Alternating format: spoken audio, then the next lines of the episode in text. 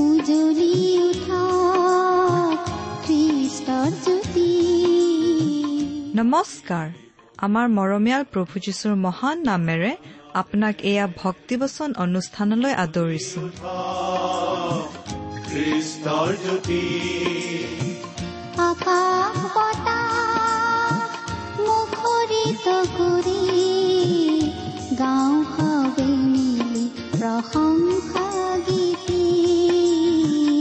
গাঁও সবে মিলি গীতি আজিৰে পবিত্ৰ ক্ষণতে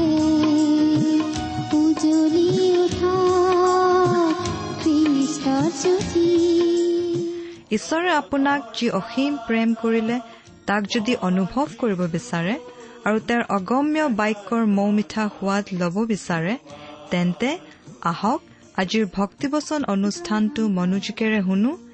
এয়া আপোনালৈ আগবঢ়াইছো ঈশ্বৰৰ জীৱন্ত বাক্যৰ অনুষ্ঠান ভক্তিবচন। আমাৰ মহান ত্ৰাণকৰ্তা প্ৰভু যীশুখ্ৰীষ্টৰ নামত নমস্কাৰ প্ৰিয় শ্ৰোতা।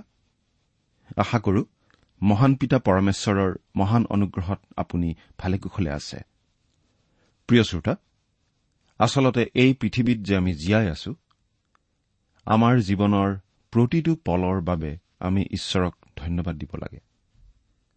কিন্তু এই জীৱনৰ সিপাৰে যি অনন্ত জীৱন আছে সেই অনন্ত জীৱন যেন আমি স্বৰ্গত কটাব পাৰো তাৰ ব্যৱস্থা যে ঈশ্বৰে কৰিলে সেইবাবেহে আমি ঈশ্বৰক অধিক ধন্যবাদ দিব লাগে। ঈশ্বৰৰ সেই ব্যৱস্থাৰ কথা আমি তেওঁৰ মহান শাস্ত্ৰ বাইবেলত পাওঁ। সেই বাইবেল শাস্ত্ৰ সহজ সৰলভাৱে অধ্যয়ন কৰাৰ চেষ্টা আমি কৰি আহিছো এই অনুষ্ঠানৰ যোগেৰে। আশা কৰো আপুনি আমাৰ এই অনুষ্ঠান নিয়মিতভাৱে শুনি আছে। শুনি কেনে পাইছে? কিবা প্ৰকাৰে উপকৃত হৈছেনে? অনুগ্ৰহ কৰি আমালৈ চিঠি লিখি জনাওকচোন। আপোনালোকৰ পৰা চিঠি পত্ৰ পাবলৈ আমি আশাৰে বাট চাই থাকো। অনুগ্ৰহ কৰি আজি এই দুখাৰিমান লিখি পঠিয়াওকচোন। আমাৰ ঠিকনা ভক্তিবচন টি ডব্লিউ আৰ ইণ্ডিয়া ডাক বাকচ নম্বৰ সাত শূন্য গুৱাহাটী সাত আঠ এক শূন্য শূন্য এক। ভক্তিবচন T W R India post box number seventy Guwahati seven eight one zero' zero' one. আমাৰ website W W W dot radio' eight eight two dot com প্ৰিয় শ্ৰোতা আপুনি বাৰু আমাৰ এই ভক্তিবচন অনুষ্ঠানটো নিয়মিতভাৱে শুনি আছেনে? আপুনি যদিহে আমাৰ এই অনুষ্ঠানটো নিয়মিতভাৱে শুনি আছে তেনেহলে আপুনি নিশ্চয় জানে যে আমি এতিয়া বাইবেলৰ নতুন নিয়ম খণ্ডৰ জাকুবৰ পত্ৰ নামৰ পুস্তকখন অধ্যয়ন কৰি আছো। নহয় জানো? আপুনি আমাৰ যোৱা অনুষ্ঠানটো শুনিছিল নে আমি বাৰু কি আলোচনা কৰিছিলো আপোনাৰ মনত আছেনে? যোৱা অনুষ্ঠানত আমি এই জাকুবৰ পত্ৰ নামৰ পুস্তকখনৰ এক নম্বৰ অধ্যায়ৰ বাইশ নম্বৰ পদলৈকে পঢ়ি আলোচনা আগবঢ়াইছিলো। নহয়নে বাৰু? গতিকে আজিৰ অনুষ্ঠানত আমি এই জাকুবৰ পত্ৰ পুস্তকখনৰ এক নম্বৰ অধ্যায়ৰ তেইছ নম্বৰ পদৰ পৰা আমাৰ আলোচনা আগবঢ়াই নিব খুজিছো।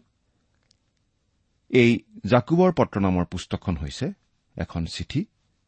সকলো খ্ৰীষ্টীয় বিশ্বাসীৰ উদ্দেশ্যে লিখা এখন চিঠি। ইয়াত খ্ৰীষ্টীয় বিশ্বাসৰ ব্যৱহাৰিক কথা কিছুমান আমি পঢ়িবলৈ পাওঁ। ইয়াৰ যোগেদি আজি আমি শিকিবলগীয়া অনেক কথা আছে। প্ৰিয় শ্ৰোতা এই অনুষ্ঠানটো যিহেতু বাইবেল অধ্যয়নৰ অনুষ্ঠান গতিকে অনুষ্ঠানটো শুনাৰ সময়ত লগত বাইবেলখন লৈ ললে ভাল হয়। আপুনি আপোনাৰ বাইবেলখন মেলি লৈছেনে বাৰু? এতিয়া আহক আমি অধ্যয়নৰ পিনে আগবাঢ়ো। প্ৰিয় শ্ৰোতা জাকুবে লিখা পত্ৰৰ সকলোতকৈ ব্যৱহাৰিক কথাখিনি আমি বাইশ নম্বৰ পদৰ পৰা পঁচিছ নম্বৰ পদলৈকে পাওঁ বুলি ইতিমধ্যে আমি উল্লেখ কৰি আহিছো। হয়তো আপোনাৰ মনত আছে?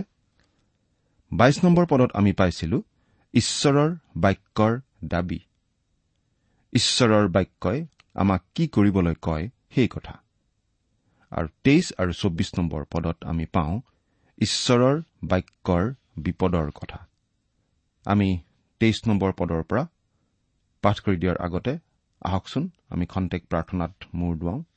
আমি প্ৰাৰ্থনা কৰো। স্বৰ্গত থকা অসীম দয়ালু কৰোণময় পিতা তোমাৰ তুলনা নাই। তোমাৰ প্ৰেম তোমাৰ কৰুণা তোমাৰ অনুগ্ৰহৰ কথা আমি বৰ্ণনা কৰি শেষ কৰিব নোৱাৰো। প্ৰভু যীশুৰ যোগেদি তুমি আমালৈ যি অনুগ্ৰহ দেখুৱালা তাৰ বাবে তোমাক অশেষ ধন্যবাদ জনাইছো। এতিয়া আমি তোমাৰ মহান বাক্য বাইবেল শাস্ত্ৰ অধ্যয়ন কৰিবলৈ ওলাইছো। তোমাৰ বাক্য তুমিয়েই আমাক বুজাই দিয়া পিতা।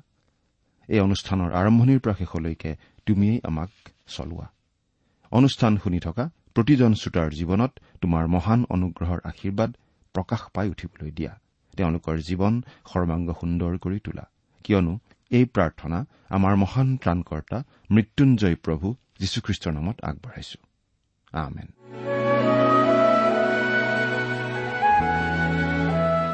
প্ৰিয় শ্ৰোতা আহক এতিয়া আমি জাকুবৰ পত্ৰৰ এক নম্বৰ অধ্যায়ৰ তেইছ নম্বৰ পদটো প্ৰথমতে পাঠ কৰি দিওঁ। আপোনাৰ লগত যদিহে বাইবেল আছে তেতিয়াহ'লে অনুগ্ৰহ কৰি চাই যাব। আৰু যদিহে বাইবেল নাই আমি পাঠ কৰি দিলে মন দি শুনিব দেই। পাঠ কৰি দিছো।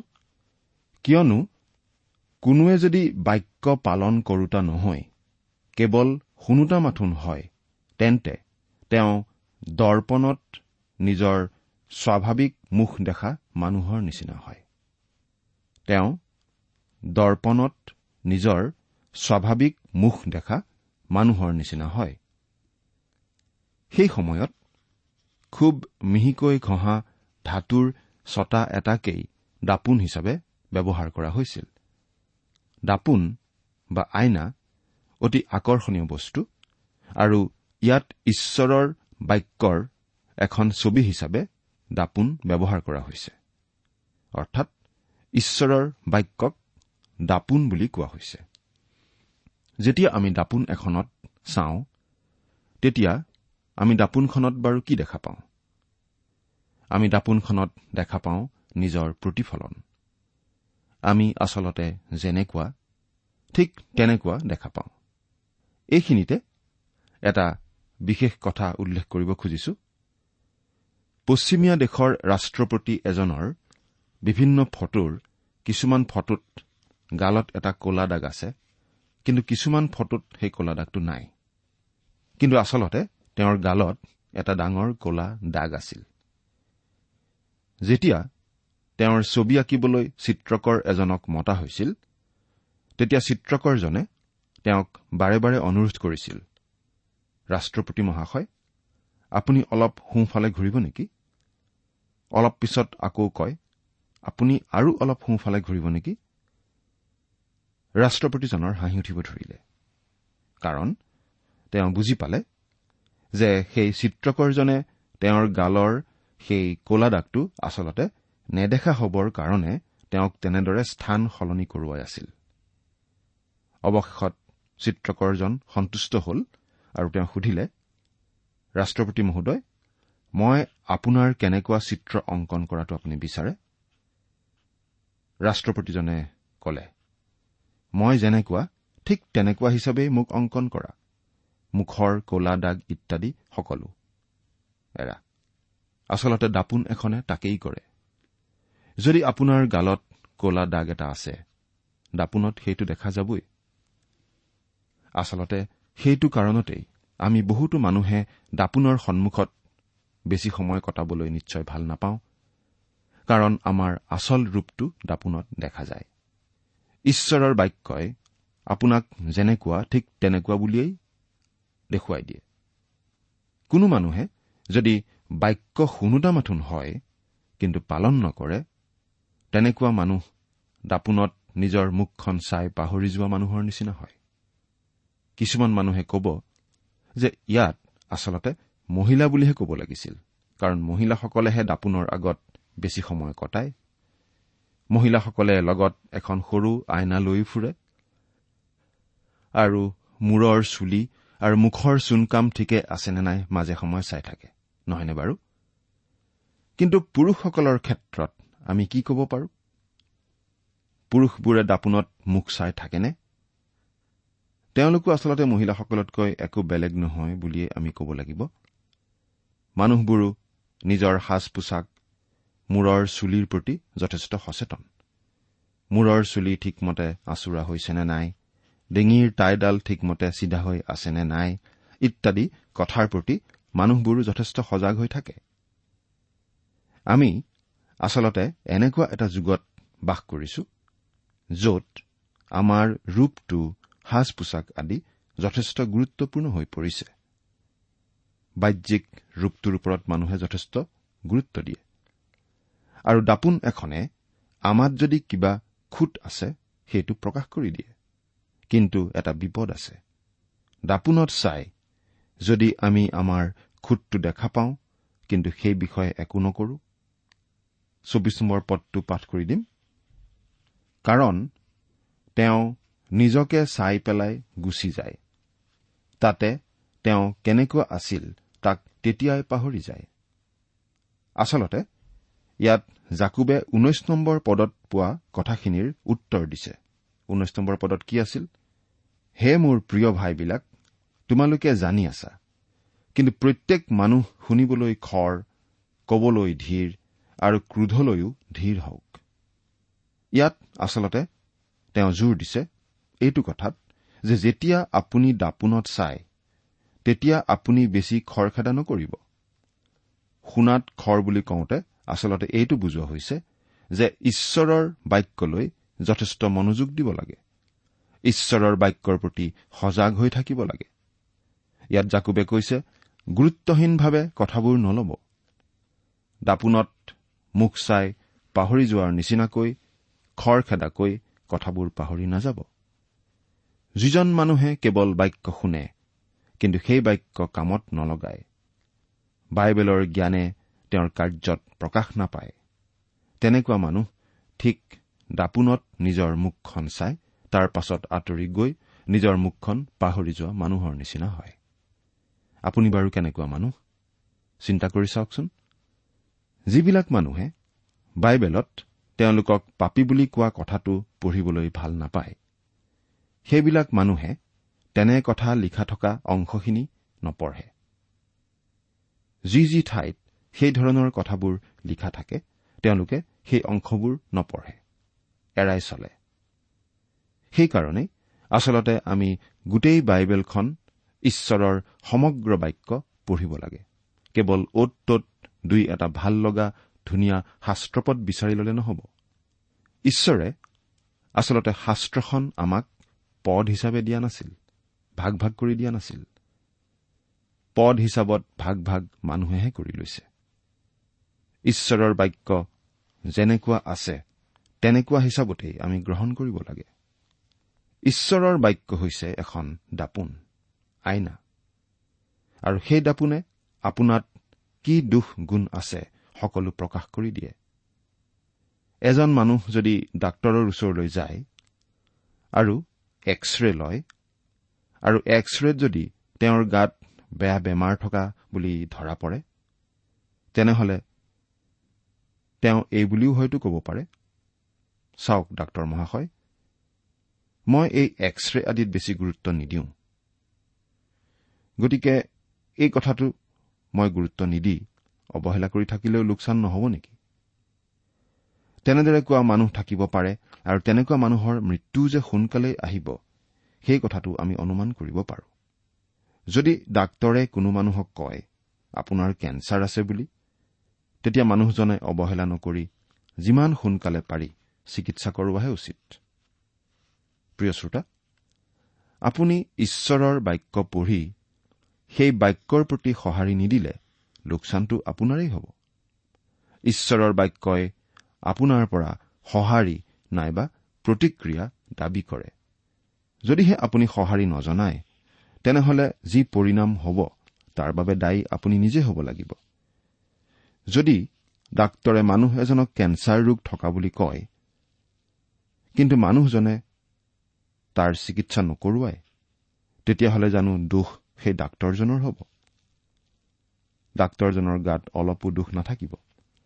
ঈশ্বৰে আপোনাক তেওঁৰ বাক্য দিছে আৰু সেই বাক্যৰ প্ৰতি সঁহাৰি দিয়াৰ দায়িত্বটো আপোনাৰ। নতুন জন্ম লাভ কৰা লোক এজনলৈ ঈশ্বৰৰ বাক্যই এনেদৰে কয় চোৱা তুমি আম্মিকভাৱে বৃদ্ধি পোৱাটো বন্ধ হৈ গৈছে। তুমি আচলতে তোমাৰ প্ৰথম প্ৰেম এৰি দিছা। ঈশ্বৰে তেওঁৰ বাক্য ব্যৱহাৰ কৰে তেওঁৰ বিষয়ে আমাক সোঁৱৰাই দিবলৈ আৰু আমাক তেওঁৰ কাষলৈ মাতিবলৈ।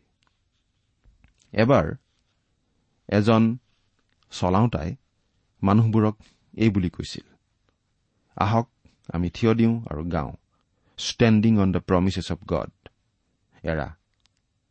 আমি standing on the promises of God বুলি গীতটো গাওঁ প্ৰায়ে গাওঁ। গাওঁ ঠিকেই কিন্তু আচল সমস্যাটো হৈছে আমি প্ৰকৃততে ঈশ্বৰৰ প্ৰতিজ্ঞাসমূহত থিয় নিদি বহিহে আছো নেকি? আৰু জাকুবে আচলতে তেনেদৰে আমাক হাত সাৱটি বহি নাথাকিবলৈ কৈছে। ঈশ্বৰৰ বাক্য হৈছে এখন দাপোনৰ নিচিনা আৰু এই দাপোনে আমাৰ ভুল ত্ৰুটি আদি প্ৰকাশ কৰি দিয়ে। আৰু ঈশ্বৰৰ বাক্যই কি কৈছে? সেই কথাটো আমি কেতিয়াও পাহৰিব নালাগে। ইব্ৰী চাৰি নম্বৰ অধ্যায়ৰ বাৰ নম্বৰ পদত কি লিখা আছে? পাঠ কৰি দিছো। কিয়নো ঈশ্বৰৰ বাক্য জীয়া কাৰ্যসাধক আৰু আটাই দুধৰীয়া তৰোৱালতকৈও চোকা। প্ৰাণ আৰু আত্মা গাঁঠি আৰু মজ্জা এই সকলোকে ভেদ কৰালৈকে বিন্ধুতা আৰু মনৰ ভাৱনা আৰু অভিপ্ৰায়কো চিনোতা। ঈশ্বৰৰ বাক্যই আমাক একেবাৰে ভেদ কৰি উদঙাই দেখুৱাই দিয়ে। আমাৰ আচল ৰূপ আমাৰ আচল প্ৰকৃতিটো। বাইবেলখন নিশ্চয় আজি ইমান জনপ্ৰিয় কিতাপ নহয়। এইখন সকলোতকৈ বেছি বিক্ৰী হোৱা কিতাপ কিন্তু মানুহে খুব কমকৈহে পঢ়ে আৰু মানি চলে। এই কিতাপ জনপ্ৰিয় নহয় কাৰণ এই কিতাপখনে আমাক দেখুৱাই দিয়ে আমি আচলতে কেনেকুৱা মানুহ। এবাৰ এখন পাহাৰীয়া অঞ্চলত কিছুমান ভ্ৰমণকাৰী গৈ শিবিৰ পাতি আছিলগৈ। সেই ঠাইত বৰ বেছি ভ্ৰমণকাৰী মানুহ নগৈছিল কাৰণে সেই পাহাৰীয়া মানুহবিলাকে বেছি বাহিৰা মানুহৰ সংস্পৰ্শলৈ অহাৰ সুবিধা নাপাইছিল। সেই ভ্ৰমণকাৰীবিলাক তাৰ পৰা গুচি যোৱাৰ পাছত পাহাৰীয়া মানুহ এজনে সেই ভ্ৰমণকাৰীবিলাকে শিবিৰ পাতি থকা ঠাইখিনি চাবলৈ গ'ল আৰু মানুহবিলাকে এৰি থৈ যোৱা বস্তুবোৰ খুচৰি খুচৰি চাব ধৰিলে। তাতে তেওঁ এখন দাপোন পালে। তেওঁ আগতে কেতিয়াও দাপোন দেখা নাছিল। তেওঁ খুব আগ্ৰহেৰে সেই আইনাখনলৈ চালে আৰু কৈ উঠিল মোৰ দেউতাৰ যে এনে এখন ফটো আছিল মই জনাই নাছিলো। অৰ্থাৎ সেই দাপোনত দেখা নিজৰ প্ৰতিবিম্বটোকেই তেওঁ দেউতাকৰ ফটো বুলি ভাবিলে। তেওঁ অতি আৱেগিক হৈ পৰিল আৰু খুব আদৰেৰে সেইখন ঘৰলৈ লৈ গ'ল। তেওঁ ঘৰলৈ গৈ সেইখন আলফুলকৈ মেৰিয়াই চাঙত তুলি থলে। তেওঁৰ ঘৈণীয়েকে তেওঁ সেইখন থোৱা দেখিলে কিন্তু একো নকলে। মানুহজন ঘৰৰ পৰা ওলাই যোৱাৰ পাছত ঘৈণীয়েক ওপৰত উঠিল আৰু গিৰিয়েকেনো কি বস্তু লুকুৱাই থৈছে চালে। তেওঁ আইন এখন পালে আৰু সেইখন চাই কলে অ' এই বুঢ়ীজনীৰ লগত তেওঁ আজিকালি ঘূৰিবলৈ লৈছে। প্ৰিয় শ্ৰোতা ঘটনাটো শুনি আমি নিশ্চয় হাঁহিম। কিন্তু ঈশ্বৰৰ বাক্য পঢ়ি সেই বাক্যই দেখুওৱা ছবিখন নিজৰ নহয় আনৰহে বুলি ভাবি থকাটো সহজ। কিন্তু ঈশ্বৰৰ বাক্যই দেখুওৱা ছবিখন আপোনাৰহে। যেতিয়া আমি ঈশ্বৰৰ বাক্য পঢ়ো সেই বাক্যই আমাক আমাৰ নিজৰ নিজৰ ছবিখন দেখুৱাই দিয়ে। এতিয়া আমি পাম ঈশ্বৰৰ বাক্যৰ গঠন বা আৰ্হিৰ কথা। পঁচিছ নম্বৰ পদটো পঢ়িম। জাকুব এক নম্বৰ অধ্যায়ৰ পঁচিছ নম্বৰ পদ। কিন্তু যিকোনোৱে স্বাধীনতাৰূপ সিদ্ধ বিধানলৈ চাপৰি দৃষ্টি কৰে আৰু চাই থাকে আৰু শুনি পাহৰোতা নহৈ পালন কৰোতা হয় তেওঁহে নিজ কাৰ্যত ধন্য হ'ব। দৃষ্টি কৰে মানে অতি মনোযোগ দি তীব্ৰ দৃষ্টিৰে চোৱা। স্বাধীনতাৰূপ সিদ্ধ বিধান। বিধান মানে ইয়াত মুচিৰ বিধানৰ কথা বুজোৱা হোৱা নাই।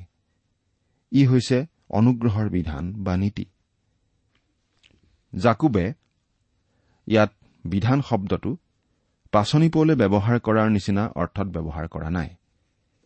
যেতিয়া পাচনি পৌলে বিধানৰ কথা উল্লেখ কৰিছে তেওঁ মুচিৰ বিধানৰ কথাহে বুজাইছিল।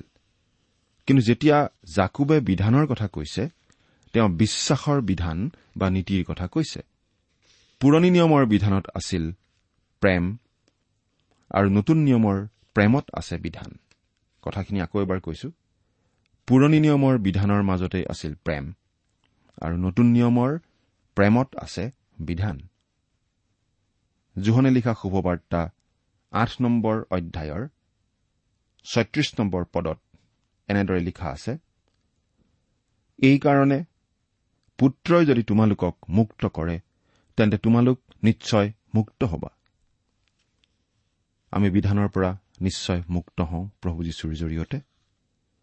কিন্তু প্ৰভু যীশুৱে এই বুলিও কৈছিল জোহনে লিখা শুভবাৰ্তা চৈধ্য নম্বৰ অধ্যায়ৰ পোন্ধৰ নম্বৰ পদ কি কৈছিল? তোমালোকে যদি মোক প্ৰেম কৰা তেন্তে মোৰ আজ্ঞাবোৰ পালন কৰিবা। আকৌ পাচনি পৌলে এই বুলিও কৈছিল গালাটীয়া ছয় নম্বৰ অধ্যায়ৰ দুই নম্বৰ পদত পাঠ কৰি দিছো। তোমালোকে ইজনে সিজনৰ ভাৰ বৈ খ্ৰীষ্টৰ বিধান সম্পূৰ্ণকৈ পালন কৰা। ইয়াতনো কি নিয়ম বা বিধানৰ কথা বুজোৱা হৈছে? খ্ৰীষ্টৰ বিধান। পাচনি জোহনে তেওঁ লিখা প্ৰথম পত্ৰত এনেদৰে কৈছে প্ৰথম জোহন পাঁচ নম্বৰ অধ্যায়ৰ তিনি নম্বৰ পদ কিয়নো আমি যেন ঈশ্বৰৰ আজ্ঞাবোৰ পালন কৰো ঈশ্বৰে দিয়া প্ৰেমৰ অভিপ্ৰায় এয়েই আৰু তেওঁৰ আজ্ঞাবোৰ ববলৈ গধুৰ নহয়। যেতিয়া আমি হাইৱে এটাৰে গাড়ী চলাই যাওঁ তেতিয়া আমি দেখিবলৈ পাওঁ বাটটোত বহুতো গাড়ী চলি থাকে। কিন্তু বাটটোত বহুতো নিয়ম পালন কৰিবলগীয়াও থাকে। যদিহে আমি মুকলি মনেৰে সেই বাটেৰে গাড়ী চলাই যাবলৈ বিচাৰো তেতিয়াহ'লে আমি নীতি নিয়মবিলাক মানি চলিবই লাগিব। খ্ৰীষ্টত স্বাধীনতা আছে আৰু এয়েই একমাত্ৰ প্ৰকৃত স্বাধীনতা। অৱশ্যে এই বিষয়ে আপুনি নিশ্চয় জানে যে যদি আপুনি খ্ৰীষ্টত আছে তেনেহলে আপুনি তেওঁক মানি চলিবই। আৰু তেওঁৰ বিধানবোৰ কঠিন নহয়। সেইবোৰ হাৰ ভঙা ধৰণৰ কষ্টকৰ নিয়ম নহয়। আপুনি ঈশ্বৰৰ সন্তান হোৱাৰ পাছত লাভ কৰা স্বাধীনতাই আপোনাক দহ আজ্ঞা ভংগ কৰাৰ লাইচেঞ্চ নিশ্চয় নিদিয়ে। সেই বিধান বা আজ্ঞাবোৰ আচলতে দুৰ্বল মানুহৰ কাৰণে জগতৰ স্বাভাৱিক মানুহৰ কাৰণে। আইন ভংগ কৰোতাৰ বাবেহে আইন। কি কৰিব লাগিব কলৈ যাব লাগিব আৰু কেনেকৈ যাব লাগিব নিয়ম ভংগ কৰিলে কি শাস্তি হ'ব ইত্যাদি ইত্যাদি। সৎ আৰু বাধ্য নাগৰিকৰ কাৰণে তেনেধৰণৰ আইনৰ আচলতে প্ৰয়োজনেই নাই। আমাৰ দেশত কিমান কিমান কেনেধৰণৰ আইন আছে আমি কমকৈহে জানো কিন্তু জনা মানুহে সেইবোৰৰ মাজত থকা সুৰুঙা উলিয়াবলৈহে চেষ্টা কৰি থাকে। আজি ঈশ্বৰে আচলতে তেওঁৰ সন্তানসকলক এটা উন্নতৰ পৰ্যায়লৈ আমন্ত্ৰণ কৰি আছে। ঈশ্বৰৰ সন্তান হোৱাৰ লগে লগে মানুহে লাভ কৰে এটা আম্মিক স্বতঃস্ফূৰ্তি উন্নত আৰু উচ্চ অভিৰোচন আৰু লক্ষ্য ঈশ্বৰৰ অনুপ্ৰেৰণা। খ্ৰীষ্টীয় বিশ্বাসীজনৰ অন্তৰত নৰবধৰ ইচ্ছা নিশ্চয় নজন্মে। তেওঁ বিধানৰ ঊৰ্ধত বাস কৰে। তেওঁ পৰিত্ৰাতা যীশুৰ প্ৰতি থকা প্ৰেমৰ দ্বাৰাহে পৰিচালিত হয়। তেওঁক মানি চলিবলৈকেই তেওঁ ইচ্ছা কৰে। আমি যিমানেই ঈশ্বৰৰ বাক্য পঢ়িম আৰু অধ্যয়ন কৰিম আমি সিমানেই জানিম সিমানেই প্ৰেম কৰিম আৰু আমি জীয়াই থাকিম। আনন্দই আমাৰ আত্মা পূৰাই পেলাব। আমি চাবুকৰ কোবৰ ভয়ত বাধ্য হৈ কাম কৰা দাসৰ নিচিনা নহয়। প্ৰিয় শ্ৰোতা আমি বাস কৰা দেশখনৰ সকলোবোৰ আইন কানুন নজনাকৈও চলি যাব পাৰো। নিৰাপদে চলি যাব পাৰো যদিহে আমি ভাল মানুহ হয়। কিন্তু আমি ঈশ্বৰৰ বাক্য জানিবই লাগিব। যদিহে আমি তেওঁৰ হকে জীয়াই থাকিব বিচাৰো। আমি তেওঁৰ বাক্য বুজি পালেহে তেওঁৰ হাতত অধিককৈ খামুচি ধৰিবলৈ শিকিম। আজি বহুতো লোক ঈশ্বৰৰ বাক্যৰ ক্ষেত্ৰত অজ্ঞ আৰু সেইবাবেই তেওঁলোক আম্মিক জীৱনতো দুৰ্বল। ঈশ্বৰৰ বাক্য কি সেইটো জানিলেহে আমি ঈশ্বৰৰ বাক্য পালন কৰি চলিব পাৰিম নহয় জানো? আপুনি বাৰু ঈশ্বৰৰ বাক্যত কি আছে ঈশ্বৰে আপোনাক কি কৈছে? জানেনে? জানিবলৈ চেষ্টা কৰিছেনে? আৰু যদিহে জানে সেই বাক্য পালন কৰি চলিবলৈ আপুনি সিদ্ধান্ত গ্ৰহণ কৰিছেনে? চিন্তা কৰি চাওকচোন। ঈশ্বৰে আপোনাক আশীৰ্বাদ কৰক।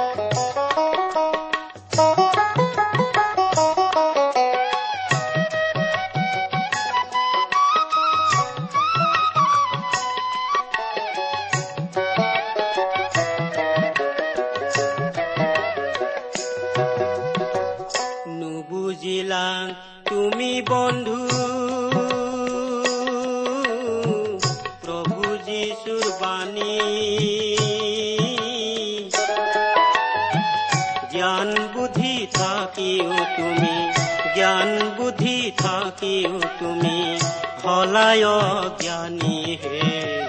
নুবুজিলা বন্ধু তুমি।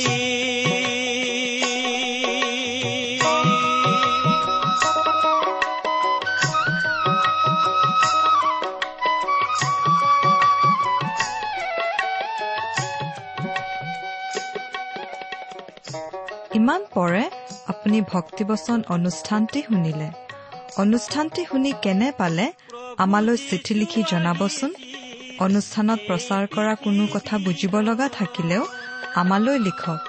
আমাৰ ঠিকনা ভক্তিবচন টি ডাব্লিউ আৰ ইণ্ডিয়া ডাক পাকচ নম্বৰ সাত শূন্য গুৱাহাটী সাত আঠ এক শূন্য শূন্য এক।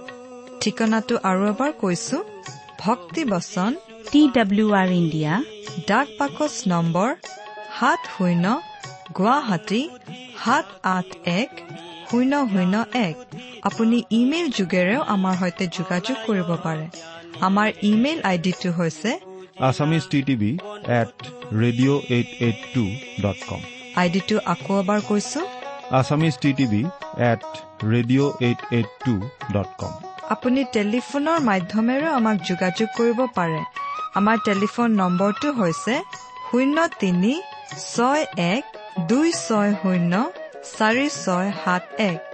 ফোন নম্বৰটো আকৌ এবাৰ কৈছো zero' three six one two six zero' four six seven one. আজিৰ অনুষ্ঠানটি ইমানতে সামৰিছো। ঈশ্বৰৰ শান্তি আৰু অনুগ্ৰহ আপোনাৰ লগত থাকক। ধন্যবাদ। কবলৈ নোৱাৰো বন্ধু দুখে ভৰি নুবুজিলা তুমি বন্ধু প্ৰভু যীশুৰ বাণী। জ্ঞান বুদ্ধি থাকিও তুমি, জ্ঞান বুদ্ধি থাকিও তুমি হলায় জ্ঞানী হে। নুবুজিলা বন্ধু তুমি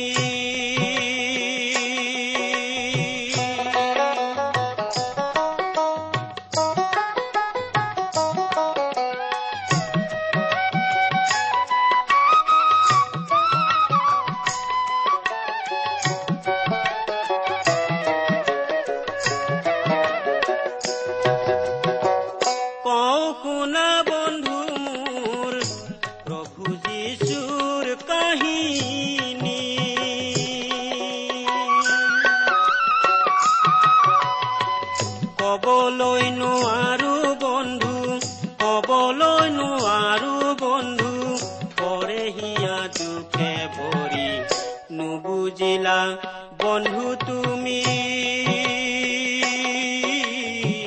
প্ৰভু যীশুৰ বাণী। জ্ঞান বুদ্ধি থাকিও তুমি জ্ঞান বুদ্ধি থাকিও তুমি। হলায় জ্ঞানী হে নুবুজিলা বন্ধু তুমি।